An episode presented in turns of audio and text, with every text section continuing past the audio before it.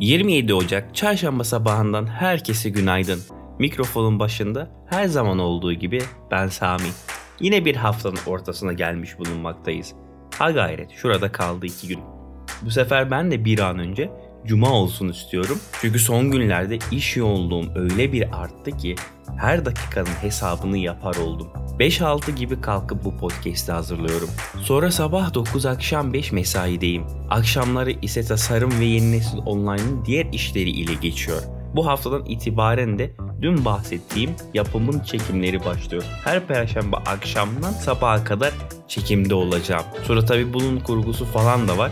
Yani anlayacağınız ölmüşüm ama ağlayanım yok. Fakat ben bu durumdan hiç şikayetçi değilim. Aksine son yıllardır içinde bulunduğum bohem hayattan kurtulup tekrar büyük bir hevesle yeni atılımların peşinden koşmaktan oldukça mutluyum.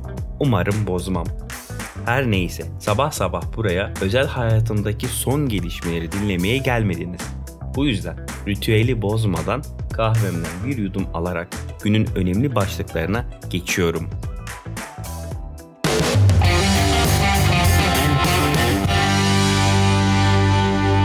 Fış fış kayakçı. Bakanlığın kayak otelleri ile ilgili genelgesinde güvenlik turizm sertifikası ve otel ile konaklama tesislerine girişte HES kodu sorgulama zorunluluğu getirildiği, bu tesislerde sadece konaklama yapan müşterilere yönelik hizmet verilebildiği, otel konaklama tesislerinde bulunan restoran, lokanta ve diğer otel salonlarında saat 22'den sonra müzik yayınına izin verilmemesi hususları düzenlendiği hatırlatıldı. Genelgede salgınla mücadeleye yönelik olarak konaklama tesislerine getirilen bu düzenlemelere rağmen son günlerde özellikle kayak otellerinde fiziki mesafe kurallarına aykırı şekilde kalabalıkların oluşmasına neden olacak organizasyonların ve etkinliklerin düzenlendiği, otel müşterilerin kontrolsüz şekilde bir araya geldiği, bu etkinliklerde başta maske kullanımı olmak üzere belirlenen kural ve esaslara aykırı hareket edilerek toplum salgınının ciddi anlamda tehlikeye atıldığının görüldüğü ifade edildi. Genelgede belirtilen esaslara aykırı davrandığı veya eğlence yeri şeklinde faaliyette bulunduğu tespit edilen otel ve konaklama tesisleri hakkında Umumi Hıfzı Sıha Kanunu ile Turizmi Teşvik Kanunu'nun ilgili maddeleri gereğince idari işlem tesis edileceği, konusu suç teşkil eden davranışlara ilişkin Türk Ceza Kanunu'nun 195. maddesi kapsamında gerekli adli işlemler başlatılacağı da belirtildi. Bir kez olsun şu kanun maddelerini hatırlatmanın ötesine geçin. Alın elinize ceza defterini tıpkı gariban vatandaşa yaptığınız gibi kurallara uymayanlara çatır çatır ceza kesin. Normal vatandaş evine 2 dakika geç girdiğinde aman vermeyin sistem bir zahmet bunlar için de geçerli olsun. Söylemde bulunmak kolay ama önemli olan eylemdir.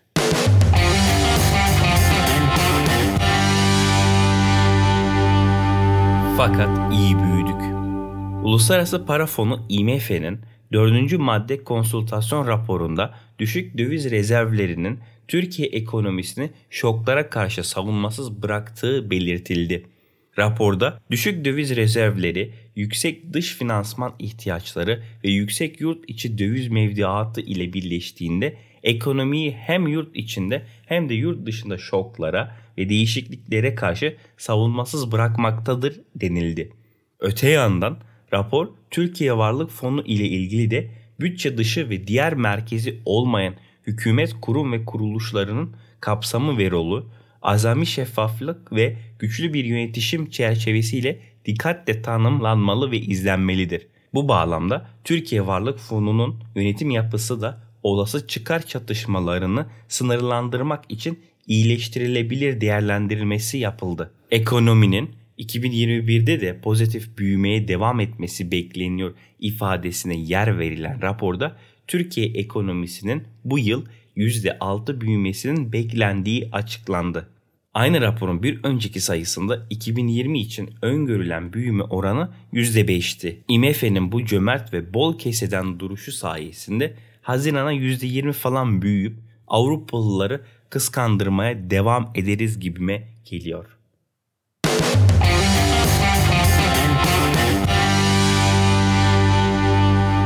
Geçti borun pazarı, sür Katar'ı Nide'ye. Ekonomimiz o kadar güzel büyüyor olacak ki Antalya'daki Port Akdeniz Katarlı Q Terminals şirketine 850 milyon lira karşılığında satıldı. Holding'in kamuyu aydınlatma platformuna gönderdiği açıklamada Q Terminals ile 21 Ekim 2020'de imzalanan anlaşmanın rekabet kurumu tarafından onaylandığı anımsatıldı. Açıklamada liman işletmesinin 140 milyon dolar şirket bedeli belirlenerek Katarlı şirkete bugün itibariyle satışının tamamlandığı kaydedildi.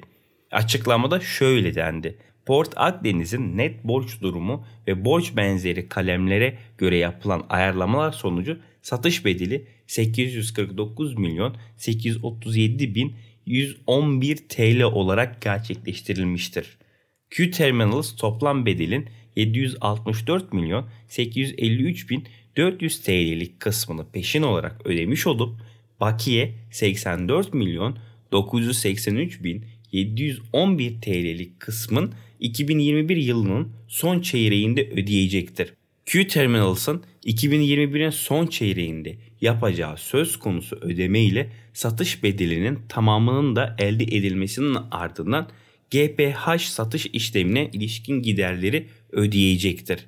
Ben her şeyi Katarlılara sattık diye düşünüyordum. Meğersem elde 3-5 bir şey kalmış kıyıda köşede. Çok şükür onları da birer birer satıp tez vakitte muradımıza ereceğiz inşallah.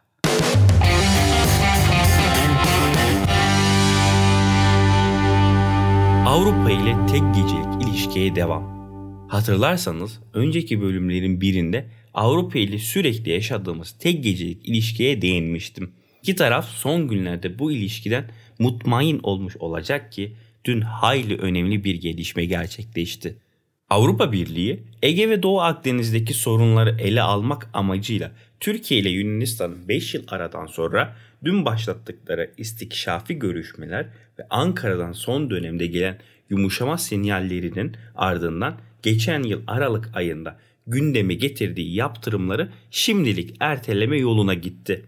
AB Dışişleri Bakanları toplantısının ardından yapılan açıklamalarda Ankara'ya yönelik yaptırım tehdidinin tamamen ortadan kalkmadığı vurgulanırken Türkiye'den gelen olumlu mesajlar ve Ankara ile Atina arasındaki görüşmelerin yeniden başlaması itibarıyla olası yaptırımlar için bir müddet daha beklenileceği mesajı verildi. Almanya Dışişleri Bakanı Heiko Maas, AB Dışişleri Bakanları toplantısının ardından yaptığı açıklamada Türkiye'ye yönelik bugün yaptırım kararı almadık çünkü olumlu gelişmeler olduğunu görüyoruz diyerek son gelişmeleri özetledi. AB Dış İlişkiler ve Güvenlik Politikası Yüksek Temsilcisi Josep Borrell ise yaptığı açıklamada Dışişleri Bakanı Mevlüt Çavuşoğlu'nun geçen hafta Brüksel'de yaptığı temaslardan sonra AB ve Türkiye'nin son haftalardaki olumlu ivmeyi devam ettirme konusunda anlaştığını bildirdi. Türk makamlarının son AB konseyi toplantısından beri gönderdiği önemli mesajları ve jestleri not ettik diyen Borel, Türkiye ile diyalog ve işbirliğini sağlamlaştırmak için temasların önemli teyit ettiklerini aktardı. Borel, Türkiye ile Yunanistan arasındaki istikşafi görüşmelere atıfta bulunarak iki ülke arasındaki deniz anlaşmazlıklarının çözümünün Birleşmiş Milletler Deniz Hukuku Sözleşmesi temelinde bulunabileceğini savundu. Borel, BM öncülüğündeki Kıbrıs müzakerelerinin en kısa sürede yeniden başlamasının da eşit derecede önem taşıdığını, AB'nin daha önce olduğu gibi gözlemci olarak müzakerelerde bulunmaya hazır olduğunu bildirdi. Aralıktaki AB liderler zirvesinde alınan ve Türkiye'ye yönelik kısıtlayıcı tedbir listesine ek yapılmasını öngören kararın halen geçerli olup olmadığı sorulan Borel, tüm kararları siyasi değerlendirmelerle aldıklarını hatırlatarak teknik birimler bunun üzerinde çalışıyor. Liste hazır değil ama kenara atılmış da değil. Çalışmalar devam ediyor diye konuştu. Borel, Çavuşoğlu ile ilgili görüşmesine ilişkin bir soru üzerine şu yanıtı verdi. Geçen yaz ve sonbaharda ilişkilerimizi zehirleyen konuların bugün durduğunu söylemekten mutluluk duyuyorum. Türk gemileri ve arama çalışmaları şu anda yok. Her iki taraf da anlaşmalara varabilmek adına bu iğmeyi devam ettirmek ve olumlu olarak kullanmak için mutabık kaldık dedi. Bu sevdalar boşuna. Çünkü kim ne derse desin bu evlilikten bir hayır gelmez. Bugün istikşafi görüşmeleri öven Avrupa Birliği yarın araştırma gemilerimizin biri meşru deniz sınırlarımızın birine doğru hareket etsin hemen aba altından sopa gösterir. 10 yıllardır bu böyle değişmedi değişmeyecek. Bu yüzden nefesimizi boşuna yormayalım.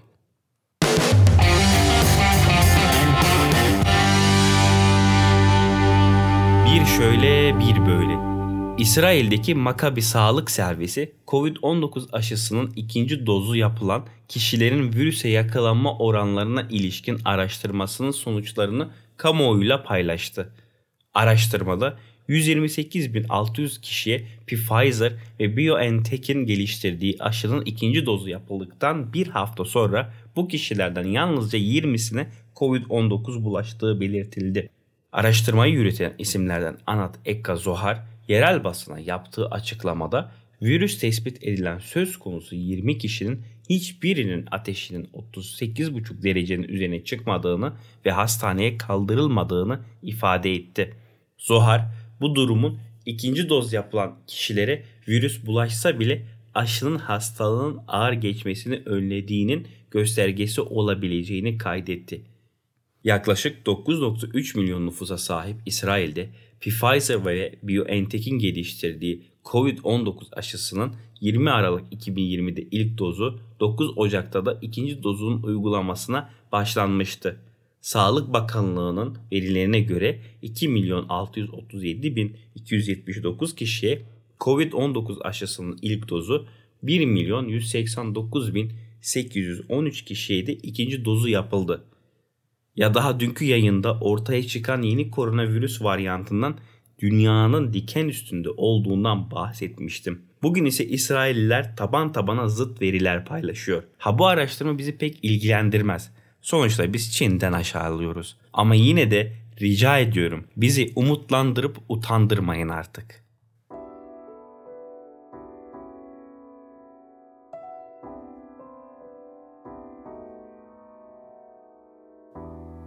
Bugünün bölümünü ilginç ama bir o kadar da utanç verici bir haber ile noktalıyorum.